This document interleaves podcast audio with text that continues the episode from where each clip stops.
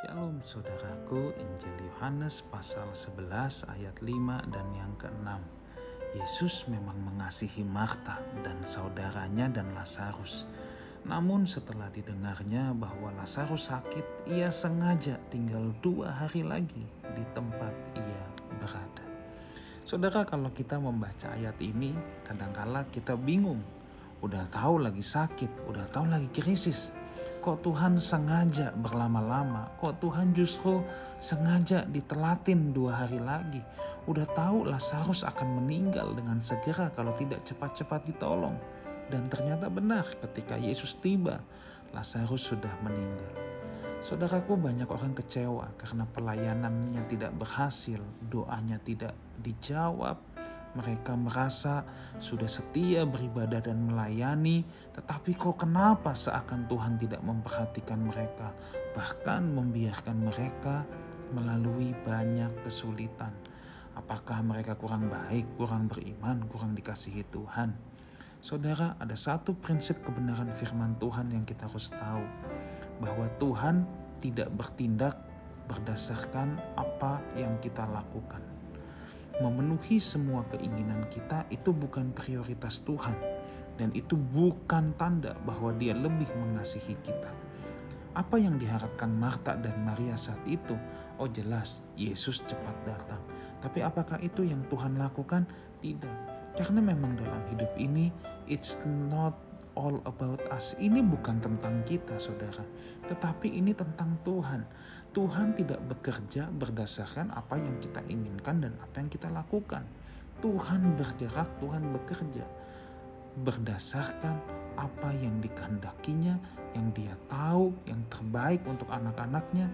Dan setiap Tuhan bergerak, pasti Tuhan punya purpose, Tuhan punya tujuan, saudara dalam kasus Lazarus di sini Tuhan punya tujuan ketika dia sengaja telat dua hari sebab ada kemuliaan yang harus dinyatakan ya dalam kematian Lazarus itu. Saudara harus ketahui bahwa prioritas Tuhan adalah kemuliaannya dinyatakan. Dalam hal itu, prioritas Yesus adalah kemuliaan Tuhan dinyatakan, bukan kesembuhan Lazarus, juga bukan perasaan Maria dan Marta orang Kristen yang kanak-kanak sering kali saya harus gunakan kata ini mendewakan perasaannya. Hanya mau dimengerti oleh Tuhan ya. hanya mau Tuhan turutin perasaannya. Saudara anak-anak itu punya satu sifat perasaannya harus diservis perasaannya harus disenangi.